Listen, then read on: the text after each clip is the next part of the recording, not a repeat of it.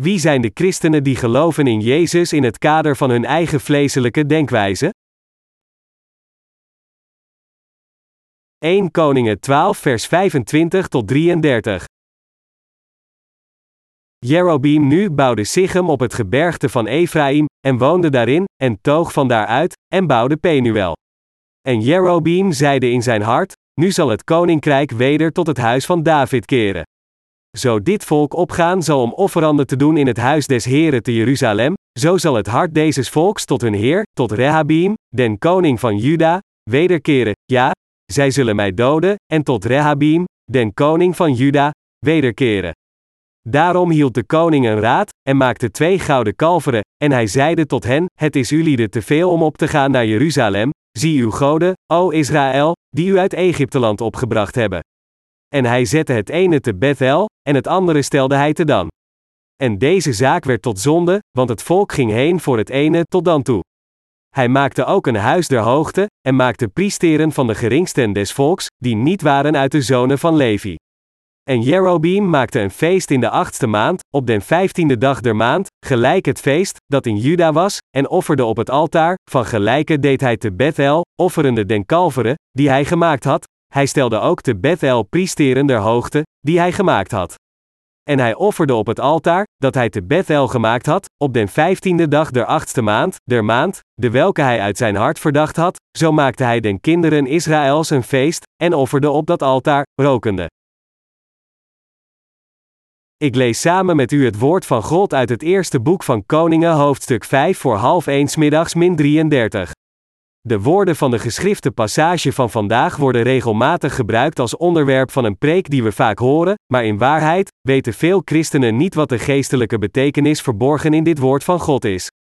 En dus, samen met mijn medewerkers thuis en in het buitenland, wil ik kijken naar de ketters en slechte groep, zoals getoond in de geschrifte passage van vandaag. De hoofdlijn van deze passage die we vandaag hebben gelezen is als volgt. Van oorsprong was de man genaamd Jerobeam geen lid van royalty. Omdat Salomo gezondigd had voor God, werd Jerobeam de koning van Israël, en om zijn koningschap te verdedigen, maakte hij twee gouden kalveren en zette hen in Bethel en Dan. Toen, door het volk van Israël te vertellen: Hier zijn twee gouden kalveren, goden die u geleid hebben, liet hij het volk van Israël idolen aanbidden, en door dit te doen, had hij hen veranderd in collectieve ketters. God haatte deze zonde van Jerobeam. Al de zonden die de mensen plegen voor God vanwege hun tekortkomingen en zwakheden, zullen allen de vergeving van zonden ontvangen door geloof te hebben in het evangelie van het water en de geest, maar de zonde dat mensen verkeerd geloven en vervloekt worden door dit evangelie van het water en de geest te veranderen, kan nooit voor God vergeven worden. Net zo, diegenen die het offersysteem dat God had ingesteld als de wet van zaligmaking in het Oude Testament veranderen hun straf niet konden ontlopen voor de zonde die zij hadden gepleegd. Zelfs in dit tijdperk zijn er veel mensen die de vergeving van zonde hebben ontvangen door te geloven in de manier van zaligmaking ingesteld door God en geloof te hebben in de evangelische waarheid van het water en de geest. Echter, al diegenen die niet geloven in het evangelie van het water en de geest, maar in plaats daarvan het tegenwerken zijn ketters. Het zou fijn zijn als dergelijke mensen zelfs nu zouden geloven in het evangelie van het water en de geest, maar als zij dat niet doen, ontvangen zij nooit de vergeving van zonde. God vertelt ons in het Nieuwe Testament dat de zonde die Jerobeam pleegde gelijk staat aan de zonde van lastering tegen de Heilige Geest, Matthäus 1 over half 1 middags en Hebreeën 10 vers 29.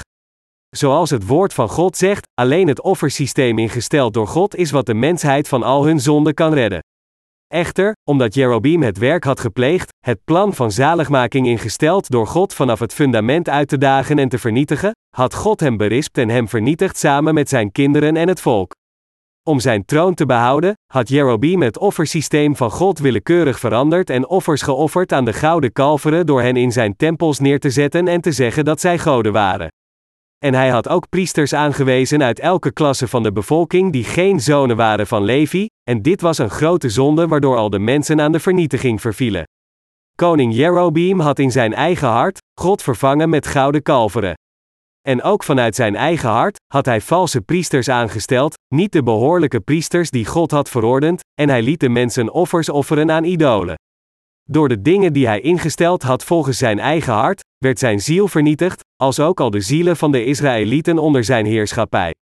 Dus, God vertelt ons door deze geschrifte passages dat de vloek van God op het huis van Jerobeam en al diegenen levend in zijn huis viel, en dat dezelfde vloek van God ook op zijn opvolgers viel. Er zijn christenen die op dit moment een leven van geloof leiden in het kader van hun eigen denkwijze. Tegenwoordig hebben christelijke leiders een vals geloof gemaakt in overeenstemming met hun eigen gedachten. Tot nu toe hebben alle christelijke geloofsgemeenschappen het christendom gedefinieerd als de religie van de vergeving van zonde, en ze hebben de doctrine van de vergeving van zonde gemaakt door het bloed van Jezus en geloven hierin. De doctrine van zaligmaking van het huidige christendom is samengesteld uit het bloed van het kruis en de doctrine van de geleidelijke heiligmaking. De christenen hebben een stevige overtuiging dat hun zonden gereinigd worden door het geloof dat gelooft in het bloed van het kruis, MAW denkend in het kader van de gedachten die zij zelf hebben gecreëerd, hebben zij de stevige overtuiging dat Jezus naar deze aarde kwam en de zonde van de mensen wegnam door het bloed aan het kruis. Op deze manier hebben mensen de neiging te geloven dat iemand de zaligmaking kan ontvangen als hij gelooft in Jezus die al de zonde heeft weggenomen door naar deze aarde te komen en zijn bloed aan het kruis te vergieten. Christenen hebben de doctrine van zaligmaking geschapen in het kader van hun eigen denkwijze en verspreiden een dergelijk geloof aan anderen. Echter, een dergelijke doctrine is niets meer dan een gefabriceerde doctrine die gemaakt werd uit het kader van hun eigen denkwijze. Dat niemand de vergeving van zonden ontvangt, ongeacht hoe vurig men in deze doctrine gelooft, bewijst dat het niet de waarheid gebaseerd op het woord van God is. Dus dient ten gevolge, wordt de doctrine van de gebeden van berouw toegevoegd als een centrale doctrine van het christendom. Doctrines gecreëerd door religieuze hervormers of theologen in elke geloofsgemeenschap binnen het christendom zijn meestal dezelfde. Ten eerste, de doctrine van het christendom verklaart: het christendom is de religie van de vergeving van zonde. Dit betekent dat het christendom een religie is dat de zonde van de mensen reinigt. Christenen geloven dat als zij geloven in het kostbare bloed dat Jezus vergoot aan het kruis, al hun zonden zullen verdwijnen. Het zegt dat het enige dat zij hoeven te doen is te geloven in Jezus Christus die al onze zonde heeft kwijtgescholden door te worden gekruisigd en te sterven. En dus zeggen zij dat diegenen die geloven in het kostbare bloed dat Jezus vergoot aan het kruis, in de doctrine van berouw en in de doctrine van heiligmaking de zaligmaking zal verkrijgen, dit de formule van geloof is waarmee zij in staat zijn de zaligmaking te verkrijgen. Ze hebben allemaal een doctrine van zaligmaking gecreëerd in het kader van hun eigen denkwijze en laten de mensen hierin geloven. Daarom zijn er tegenwoordig een groot aantal mensen dat geloven in de gefabriceerde doctrine dat zegt dat iedereen die gelooft in het bloed van het kruis de zaligmaking zal verkrijgen. Dit is een christelijke doctrine die de leiders in het christendom hebben gecreëerd in het kader van hun eigen denkwijze. Als iemand de vergeving van zonde kan ontvangen door alleen te geloven in het bloed van het kruis, dan moeten de zonden van diegenen die echt zo geloven verdwijnen, maar de realiteit is anders. Bent u op dit moment een rechtvaardige geworden die geen enkele zonde heeft door alleen te geloven in het bloed van Jezus?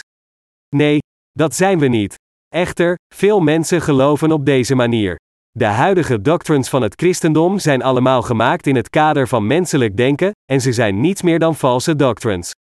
Ze leren dat iedereen die zijn eigen zonden erkent en gelooft dat Jezus al onze zonden uitwiste door te worden gekruisigd en zijn bloed te vergieten de vergeving van zonden zal ontvangen. En zo leren de mensen de denkwijze dat diegenen die in deze doctrine van geloof stappen de zaligmaking zullen ontvangen ondanks hun zonde. Door in hun harten een dergelijk gefabriceerd kader van zaligmaking te maken en ondanks dat hun zonden in werkelijkheid niet zijn verdwenen, blijven christenen te vergeefs in Jezus geloven door zichzelf te hypnotiseren. Ik heb de zaligmaking ontvangen. De hedendaagse christenen hebben een formule gecreëerd voor de vergeving van zonden in het kader van hun eigen denkwijze door het te baseren op het bloed van het kruis, en ze blijven geloven dat als iemand gelooft volgens deze formule, zij de vergeving van zonden ontvangen. Echter, omdat mensen die alleen geloven in het bloed van Jezus zonde hebben, blijven zij verder leven als zondaars omdat het niets meer dan een absurde doctrine is. Het is net als de mensen die niet geloven in Jezus blijven voortleven als zondaars tot hun dood. Mensen hebben vaak de neiging een bepaalde hypothese in hun kader van logica te maken en dan te wensen dat dit waar is. Echter, het ware evangelie van zaligmaking voor God is het evangelie van het water en de geest, eerder dan het evangelie van het bloed aan het kruis. Wie het ook is, mensen kunnen alleen de zaligmaking ontvangen als zij wedergeboren zijn door te geloven in dit evangelie van het water en de geest, en dit is de waarheid. In het kader van zijn eigen denkwijze, geloofde Jerobeam in de idolen als God. Wat was het resultaat? De vloek van God viel op hem. Zijn eigen hart volgend, veranderde hij de grote verzoendag van de tiende dag van de zevende maand naar de vijftiende dag van de achtste maand, en door priesters aan te wijzen uit alle lagen van de bevolking, liet hij hen idolen aanbidden. God had de tempel in Jeruzalem laten bouwen voor de Israëlieten. Maar, door tempels in de regio's van Dan en Bethel te bouwen en er gouden kalveren in te plaatsen, liet Jerobeam het volk van Israël geloven in de idolen door tegen hen te zeggen dat dit hun goden zijn die hen geleid hadden. Nog steeds niet tevreden, liet hij in ieder dorp heiligdommen bouwen waarin de idolen stonden, en in Bethel had hij zelf persoonlijk priesters aangesteld. Om de idolen in het kader van zijn eigen denkwijze te aanbidden, had hij willekeurig priesters aangesteld. Echter, de Bijbel zegt dat alleen de afstammelingen van Levi priesters van God kunnen worden. Dit was iets dat God had ingesteld. Maar, Jerobeam geloofde in God volgens zijn eigen denkwijze. Zijn geloof, dat gemanifesteerd werd door zijn eigen denkwijze, was iets dat absoluut verkeerd was. Onder de afstammelingen van Levi werden de mannen uit de familie van Aaron geselecteerd door God om hoge priester te worden als ze 30 jaar werden, en de gewone priesters van de zonde van Levi werden aangesteld op 25-jarige leeftijd. God had het zo gemaakt dat de priesters voortkwamen uit de familie van Levi, in het bijzonder, een persoon die was geboren in het huis van Aaron en de leeftijd van 30 jaar had bereikt zonder enige lichamelijke of mentale gebreken was een werktuig om gebruikt te worden door God als de hoge priester. Daarom als de mensen van Israël naar de tempel van Jeruzalem gingen, dan waren zij in staat de hoge priester te ontmoeten en de afstammelingen van Levi. Als de mensen het offer aan een priester doorgaven nadat zij hun handen erop hadden gelegd, tapte de priester het bloed van het offerdier af en smeerde dit op het brandofferaltaar en het overgebleven bloed goot hij op de grond. En dan offerde de priester het offer aan God namens het volk door het vlees op het altaar te verbranden. De mensen hadden een kader van zaligmaking samengeweven volgens hun eigen denkwijze dat bepaalt dat als iemand gewoon gelooft in het bloed van Jezus Christus aan het kruis, dat zij de zaligmaking ontvangen, maar hoe zit het met de wil van de Heer? Heeft de Heer het kader van onze zaligmaking niet ingesteld door het evangelie van het water en de geest? In welk kader van denken moeten we dan in geloven? Natuurlijk moeten we geloven in het kader van zaligmaking ingesteld door de Heer, als u diegene bent die God vrezen, dan zult u geloven in het evangelie van het water en de geest dat God heeft ingesteld als het kader van onze zaligmaking. Het feit in deze zaak is dat God ons gered heeft door het kader van onze zaligmaking in te stellen door het evangelie van het water en de geest. God verandert de wet van zaligmaking voorgeschreven aan ons niet naar de omstandigheden. Deze man, Jerobeam, had het kader van zaligmaking volgens zijn eigen veranderd. We moeten geloven in het evangelie van het water en de geest volgens het voorgeschreven kader van zaligmaking ingesteld door de Heer. Wij hebben geen bezwaar te geloven in het evangelie van het water en de geest dat de Heer voor ons gemaakt heeft. Als het woord van God zegt dat iets zo is, dan accepteren wij dat als zodanig. En het heeft geen zin onze eigen gedacht voor het woord van God te verkondigen door te zeggen dat onze gedachten zo en zo zijn. Dit is een kortere weg om ketters te worden door af te dwalen van de voorzienigheid van God. Het hedendaagse christendom verzet zich tegen de evangelische waarheid van het water en de geest door de creatie van de christelijke doctrines volgens hun eigen gedachten. Mensen hebben het kader van zaligmaking zelf tevoorschijn getoverd en opgezet in overeenstemming met hun eigen denkwijze en dus het geloof van een menselijk persoon gevestigd. En dus denken zij, Jezus Christus gooide de troon van de hemel weg en kwam naar de aarde en door te worden gekruisigd, een zware beproeving te lijden, zijn heilig bloed te vergieten en weer te verrijzen van de dood, heeft Hij ons gered. De Heer heeft ons compleet van al de zonden van de wereld gereinigd. Anders gezegd, diegenen die nog steeds binnen het kader van hun eigen denkwijze geloven denken, zonder veel van zijn enige geboren zoon te maken, heeft God hem naar deze aarde gestuurd om onze zonden uit te wissen, en door hem te laten kruisigen heeft hij onze zonden uitgewist. Daarom zeggen zij dat diegenen die zonde hebben, wie dat ook mogen zijn, kunnen de vergeving van zonden ontvangen door in Jezus als de Verlosser te geloven. Ze hebben uit eigen beweging een kader voor zaligmaking gemaakt, dat beweert dat wie het ook is, iedereen die gelooft in het bloed van Jezus Christus aan het kruis gereinigd kan worden van elke soort van zonde, en op deze manier geloven zij. Omdat mensen, wie het ook zijn, over het algemeen in een dergelijke doctrine van het kruis geloven gecreëerd in het kader van hun eigen denkwijze, blijven mensen geloven zonder enige twijfel zoals het is, zolang als een dergelijke doctrine in hun manier van denken past. Dus, de gedachte dat het evangelie alleen bestaande uit het bloed aan het kruis de waarheid is, is een onnauwkeurige standaard onder de hedendaagse christenen. Daarom is het zo dat zelfs als er zonden in hun harten zitten, zij niet in staat zijn te geloven in het evangelie van het water en de geest om de reiniging van hun zonden te ontvangen. Dus is het zo dat de zonden altijd in hun harten blijven. Christenen die nu alleen geloven in het bloed van Jezus Christus volgens het kader van hun eigen denkwijze kunnen hun zonden niet laten verdwijnen omdat ze geloven in de christelijke doctrines die zij hebben gecreëerd in het kader van hun eigen denkwijze, zijn zij niet in staat hun zonde met een dergelijk geloof te reinigen.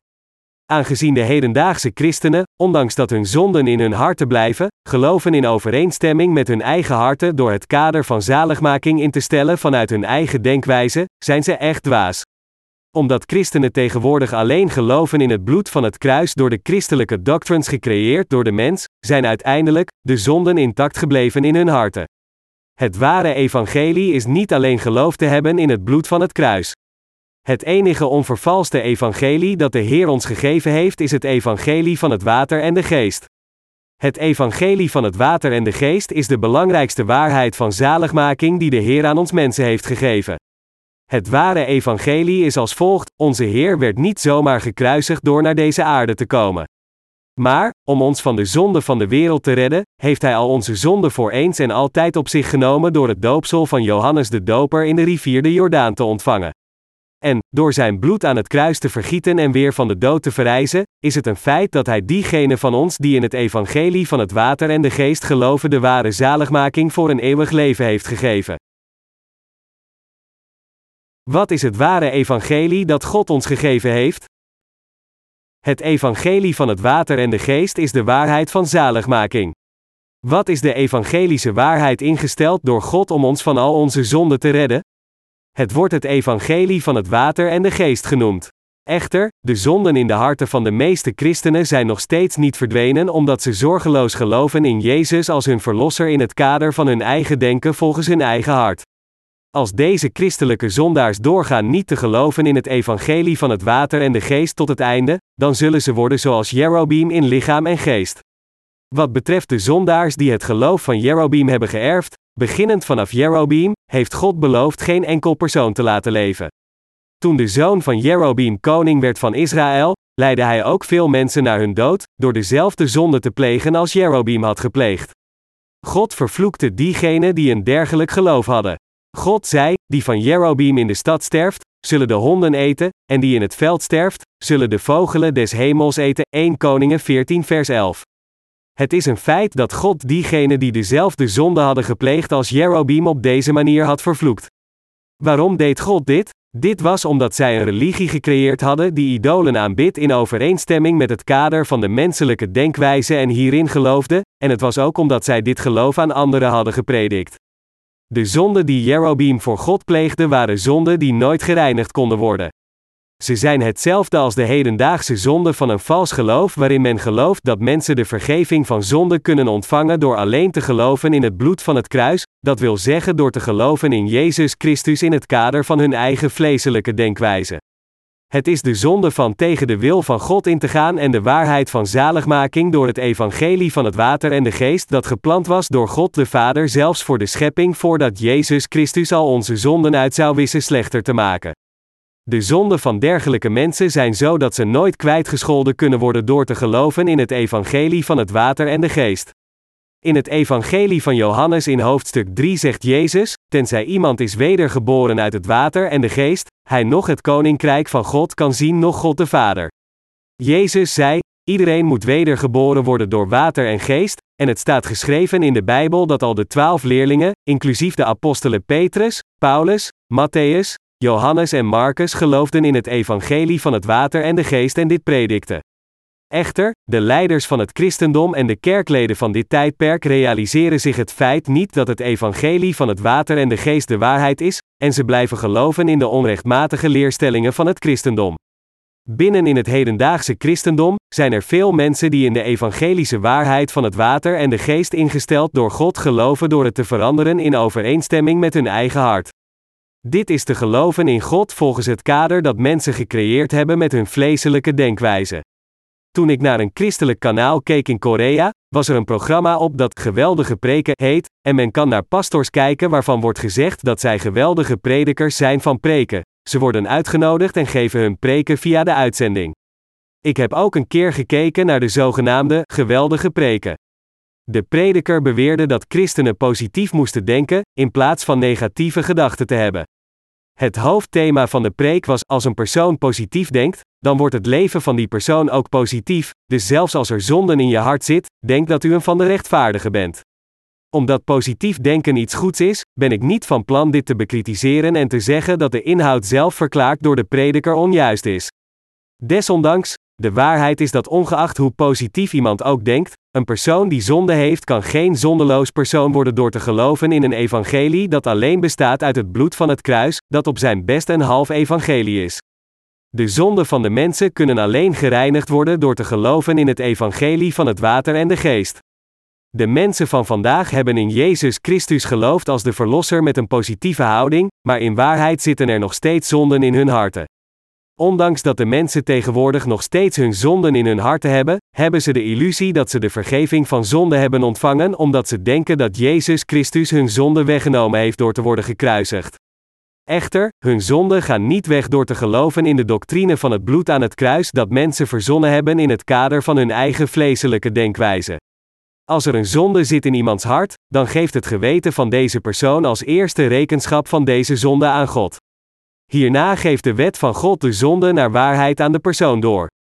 Dus, is het zo dat de zonden in iemands hart alleen gereinigd worden door geloof te hebben in het evangelie van het water en de geest. Hedendaagse christenen sporen de mensen aan positieve gedachten als volgt te hebben: Ik heb de vergeving van zonden ontvangen. Ondanks dat ik zonde heb, heb ik de vergeving van zonden ontvangen. Maar een dergelijk geloof is niets anders dan vast te houden aan een onzinnige logica dat zegt: Ik ben een mens die nu aan het verdrinken is, maar ik ben ook iemand die gered is van de verdrinking. Ondanks alles, een pastor die een zogenaamde beroemde prediker is vertelt de mensen positief te denken, zeggend: Ik heb de vergeving van zonden ontvangen door in Jezus te geloven. Jezus heeft mij gered door te sterven aan het kruis en dan weer te verrijzen. En dus heb ik de vergeving van zonden ontvangen. Hoewel er zonden in mijn hart zitten, heeft God mijn zonden uitgewist. En de toehoorders reageren door herhaaldelijk, Amen, Amen te roepen. De waarheid is dat het hedendaagse christendom gedegenereerd is tot ketterij, lager dan het kinderlijke niveau op een kleuterschool. Probeer zo positief als mogelijk te denken, maar de waarheid is dat zelfs als u dat doet, de zonden in uw hart niet zullen weggaan. De prediker verwijst naar dit geloof als het geloof van de vierde dimensie. Beste medegelovigen, de zonden in onze harten gaan niet weg door gewoon de gedachten te veranderen in positieve gedachten, maar in plaats daarvan is het een geloof dat iemand misleidt. Als een persoon positief denkt, worden de gedachten ondernemend en het hart voelt zich voor een korte tijd op zijn gemak, maar de waarheid is dat niemand het feit dat de zonden van iemands geweten nog steeds aanwezig zijn in zijn hart voor God kan verbergen. Door een doctrine tevoorschijn te toveren dat zegt: men kan de vergeving van zonden ontvangen door het bloed van het kruis, in overeenstemming met hun eigen denkwijze, blijven christelijke leiders geloven in een vals geloof. In de eerste brief aan Korinthe in hoofdstuk 1 vers 18, zegt de apostel Paulus, want het woord des kruises is wel den ene, die verloren gaan, dwaasheid, maar ons die behouden worden, is het een kracht Gods. Hier verwijst het woord des kruises naar het evangelie van het water en de geest. Het spreekt over het kruis met een veronderstelling van het doopsel van Jezus. Met andere woorden, het spreekt de waarheid dat Jezus in staat was zijn bloed plaatsvervangend aan het kruis te vergieten omdat hij het doopsel van Johannes de Doper ontvangen had. Als Jezus de zonde van de wereld niet had overgenomen door dit doopsel te ontvangen, dan had hij feitelijk geen reden gehad om te sterven aan het kruis. De Bijbel zegt duidelijk: de manier van zaligmaking ingesteld door God is zo dat Hij de Zoon van God naar deze aarde stuurde, en Zijn Zoon onze zonde liet overnemen door het doopsel van Johannes de Doper te ontvangen, het oordeel aan het kruis liet ontvangen en weer van de dood liet verrijzen. Het is zo dat diegenen die correct geloven in deze doctrine gered worden van hun Zoon door dit ware geloof. Echter, mensen hebben Gods waarheid van zaligmaking vervormd door doctrine te gebruiken die zij hebben gecreëerd in het kader van hun eigen denkwijze. Mensen hebben valse doctrines gecreëerd door het kader van hun eigen denkwijze te gebruiken dat zegt dat zolang als iemand gelooft in het bloed van Jezus Christus aan het kruis, de zaligmaking van de zonde van de wereld zal ontvangen en het eeuwige leven, en zij geloven in Jezus in een dergelijk kader. Deze mensen zeggen: Ik heb zonde, maar ik heb de vergeving van zonden ontvangen. Dit is een spitsvondigheid hetzelfde als men zegt: 1 tot 1 is 1. Hoe kunnen zij een dergelijke tegenstrijdige doctrine maken en geloven dat volhoudt? Jezus heeft al onze zonden weggewassen door het bloed aan het kruis, maar het is juist dat ik nog steeds zonden in mijn hart heb. Dit is jezelf te hypnotiseren en te zeggen: Ik ben gezegend, ondanks dat ik nog steeds zonde heb, en te leven met een illusie dat iemand werkelijk een overvloed aan zegeningen heeft ontvangen. Ze blijven zichzelf hypnotiseren denkend: Ik heb de vergeving van zonden ontvangen. Jezus heeft mij gered door zijn bloed aan het kruis te vergieten en weer van de dood te verrijzen. Ze houden vast aan het woord van Jesaja 53 vers 5 dat zegt: Maar hij is om onze overtredingen verwond, om onze ongerechtigheden is hij verbrijzeld, en geloven in de doctrine van het bloed van het kruis dat gemaakt werd vanuit een menselijke denkwijze. Maar, omdat de zonde in hun harten blijven, gingen ze verder en schreven een ander voorschrift dat zegt: Denk in alle zaken positief. Dit is hoe zij ketters werden en veel mensen werden zondaars zoals Jerobeam. Zij geloven in Jezus met een evangelie dat zij vervormd hebben tot het genoegen van hun eigen harten, net zoals Jerobeam die heiligdommen bouwde, gouden kalveren neerzette, wierook verbrandde voor deze idolen, en de lammeren doden. Hij had ook ongeveer gekwalificeerde mensen als priesters aangesteld en liet hen offers offeren. En deze christelijke zondaars zeggen: Wij zijn Gods mensen die God vrezen, en God is onze God. Mensen worden ketters en hoofdketters omdat ze in Jezus geloven volgens het kader van hun vleeselijke denkwijze eerder dan geloof te hebben in het evangelie van het water en de geest dat God heeft ingesteld als het plan van zaligmaking. Een dergelijk geloof brengt niet alleen een vloek op zichzelf, maar ook op zijn familie en al zijn volgers. De hedendaagse christenen hebben valse doctrines vervat en geloven niet in het evangelie van het water en de geest zoals geopenbaard in de geschriften, en dit is een zeer ernstige zonde. Het geloof dat alleen gelooft in het bloed van het kruis is een compleet ander geloof van het geloof dat gelooft in de rechtvaardigheid van God geopenbaard in de geschriften. De geschriften zeggen niet dat de zaligmaking verkregen wordt door alleen te geloven in het bloed van het kruis. Een grote collectieve ketterse groep genaamd het christendom is opgedoken in deze wereld omdat mensen deze valse doctrines hebben gemaakt en erin geloofden. En de leiders van deze collectieve ketterij blijven de mensen met deze vervalste doctrines hypnotiseren. Wat is het essentiële verschil tussen het ware christendom en andere religies van deze wereld? Een religie van de wereld is een gelo systeem of een systeem van doctrines die mensen hebben gecreëerd en daarin geloven in het kader van het menselijk denken. Maar het christendom is anders dan de religies van de wereld. In het ware christendom accepteren de gelovigen het God gegeven woord van zaligmaking zoals het is gegeven. Het ware geloof van het christendom is eenvoudig te geloven in Gods woord of het overeenstemt met onze denkwijze of niet. Maar, het hedendaagse christendom is niet anders dan andere religies van de wereld omdat christenen geloven in valse doctrines die zij hebben vervat volgens hun eigen denkwijze. God heeft ons het ware evangelie van het water en de geest gegeven, en we zullen geen ketters worden als we precies geloven zoals het is.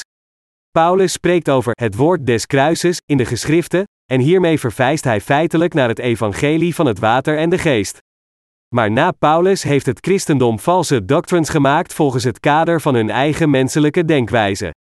Als gevolg werden ketters heersend in het christendom en christenen werden geblokkeerd van de ontvangst van de ware vergeving van zonde.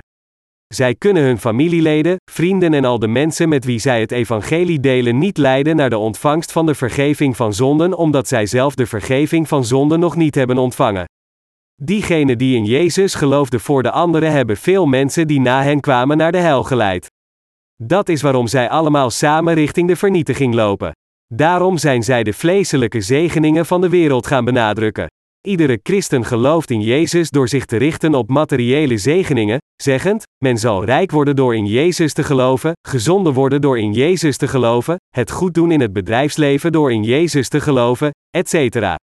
Zij zijn allemaal ketters. Christenen geloven tegenwoordig in de christelijke doctrines die zij hebben vervat in het kader van hun eigen denkwijze, net zoals Jerobeam God had vervangen met de gouden kalveren en in hen geloofde. Jerobeam wees gewone mensen aan als priesters, veranderde de datum van de grote verzoendag naar de vijftiende dag van de achtste maand, en verving God met gouden kalveren. Is goud goddelijk? Kan goud God zijn? Kunnen materiële dingen God worden? Kunnen we God vinden in een materialistisch domein?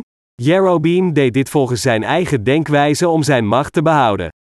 Dien ten gevolge pleegde hij een onomkeerbare zonde voor God. Daarom werden hij en heel zijn familie als ook zijn volk vervloekt door God. Tegenwoordig zeggen christenen: geloof in het bloed van het kruis en u zult de zaligmaking ontvangen, maar dit is een onrechtmatig geloof afgeleid van hun misverstand en verkeerde geloof in de waarheid van Gods zaligmaking. Veel mensen denken dat zij de zaligmaking van hun zonde kunnen ontvangen alleen door het bloed aan het kruis, maar dit is onjuist. Kijk naar beide, het Oude Testament en het Nieuwe Testament. Laten we kijken naar de 33 jaar van het leven van Jezus Christus hier op aarde. De Bijbel heeft ons een getuigenis over hem gegeven tot de leeftijd van 8 jaar, en dan getuigt het over hem als hij het doopsel van Johannes de Doper op 30-jarige leeftijd ontvangt tot de leeftijd van 33 jaar wanneer zijn ambt werd volbracht. We kunnen zien dat het evangelie van het water en de geest de echte waarheid is door te kijken naar zijn ambt tijdens deze driejarige periode. Jezus Christus kwam naar deze aarde en ontving het doopsel van Johannes de Doper om al onze zonden te dragen op 30-jarige leeftijd. In Matthäus 13 over 3 min 17 is een scene waarin Jezus wordt gedoopt door Johannes de Doper. Laat nu af, want al dus betaamt ons alle gerechtigheid te vervullen. Toen liet hij van hem af. En Jezus, gedoopt zijnde, is terstond opgeklommen uit het water, en ziet, de hemelen werden hem geopend, en hij zag den geest Gods neerdalen, gelijk een duiven, en op hem komen, Matthäus kwart over 3 min 16. Waarom werd Jezus gedoopt? Jezus werd gedoopt om al onze zonden te dragen, de zonde van heel de mensheid, de zonde van de wereld. Nadat Jezus gedoopt werd door Johannes de Doper, voedde en leerde hij zijn leerlingen en getuigde Gods woord voor drie jaar tegen de mensen voordat hij stierf aan het kruis. Jezus nam al de zonde van de wereld op zich door te worden gedoopt, vergoot zijn bloed en stierf aan het kruis, verrees weer na drie dagen van de dood, getuigde zijn verrijzenis voor veertig dagen, en steeg op naar de wolken in de hemel terwijl veel mensen hem nakeken. En hij beloofde in de toekomst terug te keren. Alleen te sterven aan het kruis kan ons niet redden van de zonde van de wereld. We moeten aandacht geven aan het feit dat het eerste ding dat hij deed gedurende de drie jaar van zijn publieke ambt op deze aarde was gedoopt te worden door Johannes de Doper. Ook moeten we erkennen dat al de vier evangelische boeken gezamenlijk het doopsel van Jezus beschrijven als het beginpunt van het evangelie. God begon het werk van zaligmaking door Johannes de Doper naar deze aarde te sturen en hem te laten roepen: Heb berouw, u, kinderen van de slang. Na de harten van de mensen op deze manier klaargemaakt te hebben, verscheen Jezus zelf en het eerste dat hij deed was het doopsel van Johannes de Doper te ontvangen om de zonde van de wereld op zich te nemen. Dat is hoe de Heer al onze zonden op zich nam. En daarna stierf hij aan het kruis. Jezus stief aan het kruis omdat hij al onze zonden op zich had genomen door te worden gedoopt, en ons in één keer te redden, door weer van de dood op de derde dag te verrijzen. Heeft Jezus ons echt van al de zonden van de wereld gered door alleen zijn bloed te vergieten aan het kruis? Nee, dat deed hij niet. Veel christenen leven nog steeds als zondaars ondanks hun geloof in Jezus. Ze geloven in de valse doctrine van zaligmaking die zij gecreëerd hebben gebaseerd op het kader van hun eigen vleeselijke denkwijze, maar het feit is dat zonden in hun verstand niet weggeveegd kunnen worden met een dergelijke vals geloof. Dat is waarom zij ketters zijn voor God, en verder hun zonden, ophopen die zij plegen met hun lichaam en geest.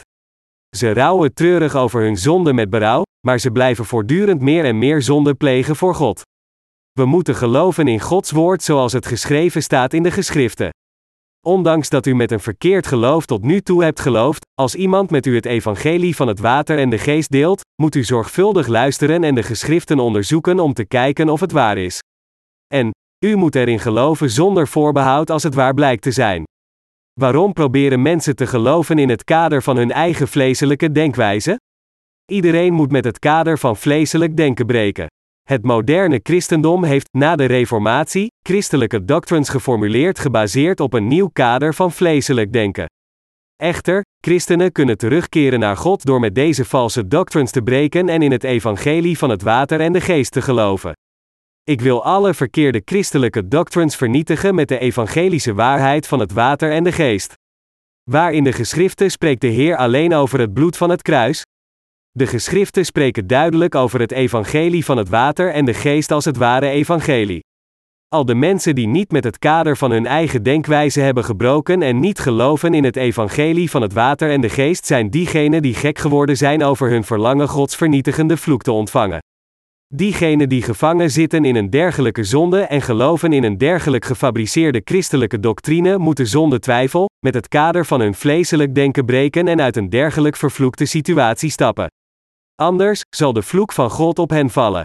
De hedendaagse christelijke doctrines zijn geschikte hypotheses die mensen gemaakt hebben in het kader van hun eigen vleeselijke denkwijze. Christenen hebben een reeks van vreemde religieuze doctrines gefabriceerd in het kader van denken om hun geweten te sussen. Dat is waarom nog steeds zonde hebben, ondanks dat zij in Jezus onder de naam van het christendom geloven, net zoals mensen die zonden in hun harten hebben, ondanks hun geloof in het boeddhisme of elke andere religie van de wereld. Op dezelfde manier, diegenen die geloven in het christendom, Confucianisme, islam, hindoeïsme of elke andere religie, hebben zonden in hun harten. Christenen blijven zondaars ondanks hun geloof in Jezus omdat zij geloven in dergelijke foutieve doctrines. Geloof in het evangelie van het water en de geest dat de Heer heeft gegeven. Is er zonde in het hart van een christen als hij zijn oude geloof aflegt en gelooft in het evangelie van het water en de geest? Nee, die zijn er niet. Alle zonden worden uitgeroeid als een persoon gelooft in de evangelische waarheid van het water en de geest. Echter, als een persoon alleen gelooft in het bloed van het kruis, dan denkt hij alleen maar dat hij zonder zonden is, maar het is een feit dat hun zonden nog steeds intact zijn in hun geweten. Dit is een zeer ketters geloof. Als diegenen die niet geloven in het evangelie van het water en de geest volgens Gods plan van zaligmaking zijn ketters. Jerobeam was een ketter, en al de christenen over de wereld die niet geloven in het evangelie van het water en de geest zijn ook ketters. Echter, wie zou durven denken dat de doctrine dat zegt, Jezus heeft al onze zonden uitgewist door zijn bloed aan het kruis te vergieten, verkeerd is? Wie durft deze doctrine waar christenen bijna voor 2000 jaar in geloven uit te dagen? Maar, wat verkeerd is, is verkeerd. En dat wat verkeerd is moet worden gecorrigeerd. Christenen moeten al deze doctrines met de evangelische waarheid van het water en de geest vernietigen en de verkeerde aspecten van hun geloof met de waarheid corrigeren. Sommige mensen kunnen vragen: is er een bewijs van het wegwassen van zonde met water in het Oude Testament?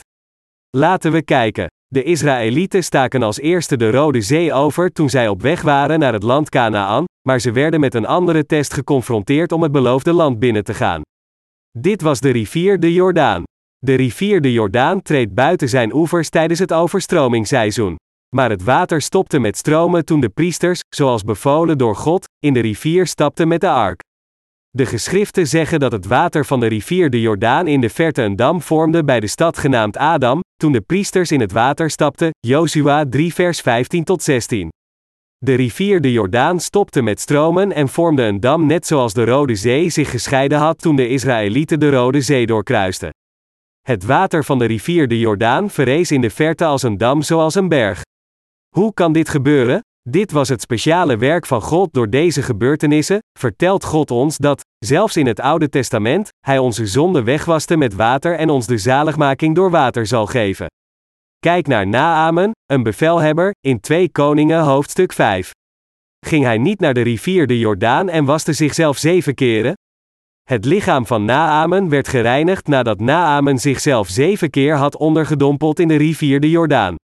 Deze gebeurtenis spreekt tegen ons over hoe Jezus al de zonde van de wereld op zich nam door het doopsel dat hij ontving van Johannes de Doper en onze zonde wegwaste. Net zo spreekt het Oude Testament in tal van gelegenheden tegen ons over het water. Bij vele gelegenheden spreekt God tegen ons over het wegwassen van zonde met water. Dit is hetzelfde in het Nieuwe Testament. De apostel Petrus zei, waarvan het tegenbeeld, de doop, ons nu ook behoudt, niet die een aflegging is der vuiligheid des lichaams, maar die een vraag is van een goed geweten tot God, door de opstanding van Jezus Christus, 1 Petrus 3 vers 21. De geschriften vragen ons eigenlijk hoe we, met een zuiver geweten, kunnen zeggen dat Jezus niet in staat was al onze zonden op zich te nemen en hen weg te wassen, ondanks dat we weten dat Jezus naar deze aarde kwam, al onze zonden op zich nam door het doopsel van Johannes de Doper te ontvangen en te sterven aan het kruis. God de Vaders plan van zaligmaking volgend, kwam de Zoon naar deze aarde, ontving het doopsel van Johannes de Doper, stierf aan het kruis, verrees weer van de dood, en redde ons dus van al de zonden van de wereld. Dat is waarom ons geweten ons niet toestaat voor God te komen met zonden in onze harten nadat we ons deze waarheid hebben gerealiseerd en er trouw in geloven. We komen liever voor God met een goed en zuiver geweten dat de vergeving van zonde heeft ontvangen. We kunnen niet anders dan voor God te komen met een zuiver geweten omdat we geloof hebben in Jezus die het doopsel van Johannes de Doper ontving, aan het kruis stierf, weer verrees van de dood, al onze zonden wegwaste, het oordeel in onze plaats ontving en ons van de vloek, de dood, redde. Dat is waarom de geschriften zeggen, waarvan het tegenbeeld, de doop, ons nu ook behoudt. Jezus Christus ontving het doopsel van Johannes de Doper om al onze zonden op zich te nemen en vergoot zijn bloed en stierf aan het kruis om al onze zonden weg te wassen. Begrijpen christenen tegenwoordig het evangelie van het water en de geest en geloven zij erin met geloof? Er zijn niet veel christenen bewust van het feit dat het christendom over heel de wereld is vervallen aan de zonde van Jerobeam. En dat doet mij verdriet. Wie durft te zeggen en zich voor te stellen dat christelijke doctrine dat de wereld, wie gelooft in het bloed van het kruis zal de vergeving van zonden ontvangen, verkeerd is? Maar dergelijke christelijke doctrines zijn onvolmaakt die de mensen zelf gemaakt hebben. Zoals Jerobeam idolen en priesters had ingesteld volgens de wensen van zijn hart, zo hebben de theologen de christelijke doctrines op dezelfde manier gemaakt. Johannes Calvijn van Frankrijk, Maarten Luther van Duitsland en vele anderen hebben de christelijke doctrines gefabriceerd. Dat is waarom velen, zonder twijfel, alleen geloven in Jezus die gestorven is aan het kruis. Maar wat zeggen de geschriften? De geschriften spreken over het evangelie van het water en de geest. De geschriften informeren ons over het evangelie van het water en de geest en getuigen over. Het is onmogelijk dat iemand de vergeving van zonden ontvangt zonder geloof te hebben in het evangelie van het water en de geest. De christenen van vandaag, over de hele wereld, geloven alleen in Jezus door de mensgemaakte doctrines en dat is verkeerd. Het is verkeerd omdat mensen de doctrine bedacht hebben dat zegt dat Jezus naar deze aarde kwam, hun zonde wegwaste door alleen te sterven aan het kruis en zij hierin geloven. Mensen ontvangen de vergeving van zonden niet ondanks dat zij geloven in Jezus, omdat dit een doctrine is die bedacht werd op basis van de menselijke denkwijze en omdat zij erin geloven en een dergelijk geloof met anderen delen. Vraag iemand gelooft in Jezus als zijn verlosser en Heer, hebt u zonden in uw hart? Alleen diegenen die geloven in het evangelie van het water en de geest hebben geen zonde, maar al de anderen hebben zonde. Sommige mensen zeggen dat zij geen zonde hebben ondanks dat zij alleen geloven in het bloed van het kruis. Hoewel zij feitelijk zonden in hun harten hebben, zeggen deze mensen dat alleen omdat zij vastberaden geloven in de christelijke doctrines van eigen makelij. Ze zeggen dat ze geen zonde hebben, maar ze zeggen dit niet omdat zij oprecht geen zonden in hun hart hebben. Omdat zij in de foutieve christelijke doctrines geloven en omdat het vreemd klinkt te zeggen dat zij zonde hebben als ze beweren de vergeving van zonde te hebben ontvangen door het bloed van het kruis, beleiden zij hun geloof positief ondanks dat zij zonden en hun harten hebben. Maar diegenen die geloven in het evangelie van het water en de geest hebben geen zonden op hun geweten. Hoewel zij ontoereikend zijn, hebben zij geen zonden op hun geweten omdat zij geloven dat Jezus heel de mensheid heeft gered door al de zonden van de wereld op zichzelf te nemen door het doopsel van Johannes de Doper te ontvangen, te sterven aan het kruis en weer van de dood te verrijzen. Diegenen die geloven in het evangelie van water en de geest kunnen niet zeggen dat zij zonde hebben. Waarom? Dat is omdat Jezus naar deze wereld kwam, het doopsel ontving, al onze zonden op zich nam, het verschrikkelijke lijden ontving, stierf aan het kruis en ons dus voor eens en altijd van onze zonde heeft gered. Hoe kunnen we met een goed geweten zeggen dat we zonde hebben als Jezus ons met het evangelie van het water en de geest heeft gered? We kunnen niet gewetensvol zeggen dat we zonde hebben omdat we geloven in het evangelie van het water en de geest omdat de Heer al onze zonde heeft uitgewist en omdat we in deze waarheid geloven, kunnen we niet zeggen dat we zonde hebben en het is een feit dat we duidelijk de vergeving van zonde hebben ontvangen. Is dit onze verbeelding? Is dit evangelie iets dat we verzonnen hebben? Is dit iets dat wij hebben gecreëerd? Dit is de waarheid en het feit is dat wij het niet gemaakt hebben. Dit evangelie van het water en de geest is de gist van de geschriften. Als we een bepaald onderwerp bestuderen en het kernpunt van het onderwerp begrijpen, dan ontwart dit al het andere dat volgt. God kwam naar deze wereld om zondaars te redden, en het kernpunt van de zaligmaking is Jezus Christus die het doopsel van Johannes de Doper ontving in de rivier Jordaan. Hij nam al de zonde van de mensheid op zich door het doopsel van Johannes de Doper te ontvangen. Dit is waarom hij in staat was ons de ware zaligmaking te geven door genageld te worden en te sterven aan het kruis en weer van de dood te verrijzen. We hebben deze zaligmaking ontvangen door deze waarheid te begrijpen en erin te geloven. Maar hoe is het christendom tegenwoordig? In dit tijdperk heeft het christendom valse doctrines vervat gebaseerd op het kader van vleeselijk denken, en het verandert christenen in schijnheilige wettische. Zij leren mensen zeggen: hoe kunnen we niet geloven in de Heer terwijl Hij naar deze aarde kwam en zijn bloed aan het kruis voor ons vergoot? En hoe kunnen we niet deugdzaam leven nadat we gingen geloven in de Heer? Dus de christelijke leiders maken hun voorgangers tot ethisch prijzenswaardige mensen. Ze leren: u moet een rechtvaardig leven leiden omdat u een christen bent. Uw gedrag moet veranderen. Dan zult u zegeningen ontvangen. Leef volgens Gods woord. Dan zult u zegeningen ontvangen. Geloof in het bloed van het kruis. Ondanks dat u zonden in je hart hebt, zal God al uw zonden vergeven als je gelooft in het bloed van Jezus Christus. Denk op een dergelijke positieve manier en word ethisch een rechtschapen persoon. Leef een goed rechtschapen leven en word een ethisch fatsoenlijk mens. Dus hoe kunnen christenen tegenwoordig geen ketters zijn? Wij hebben de zaligmaking ontvangen door in het evangelie van water aan de geest te geloven, en wij zijn in dienst van de Heer omdat wij de zaligmaking hebben ontvangen. Wij geloven in de Heer, zingen psalmen, aanbidden Hem en steunen de prediking van het evangelie omdat de Heer ons met de evangelische waarheid van het water en de geest heeft gered. Als we zouden beweren dat we gered zijn geworden door alleen te geloven dat Jezus stierf aan het kruis, dan heeft Jezus van zijn kant niet compleet onze zonden uitgewist en van onze kant zouden we niet in staat zijn de vergeving van zonden te ontvangen door op deze manier in Jezus te geloven. Hoewel hij de enige geboren zoon van God is, zou het onterend, schandelijk en bedrieglijk van Jezus zijn geweest. En onze zonden zouden niet zijn weggewassen als Jezus Christus had gezegd: Ik ben voor u aan het sterven. Al uw zonden zijn weggewassen, en stierf aan het kruis. Als de Heer naar deze aarde is gekomen om ons te redden, dan moet er een proces zijn waarbij de Heer al onze zonden op zich nam. Zonder het proces dat al de zonden op zich nam, is het onfatsoenlijk, zelfs voor God zelf, te zeggen: Ik zal aan het kruis sterven. Geloof gewoon in mij. Dit zou een onredelijk verzoek aan ons zijn. Is dit niet zo? Denkt u van niet? Betekent dit dat we moeten geloven zonder enige vraag? Jezus zou ons een reden geven om te geloven, hij zou ons niet bevelen te geloven zonder ons een logische reden te geven. Tegenwoordig hebben de christelijke doctrines de mensen veranderd in collectieve ketters. Dit is waarom zij andere mensen ook naar de hel leiden. Het geloof dat gelooft in de verkeerde christelijke doctrines verschilt van het geloof dat gelooft in het evangelie van het water en de geest. Denkt u dat er maar een klein verschil is? Dat zou u denken, maar ze zijn tegenpolen van elkaar. Laten we er een minuutje over nadenken.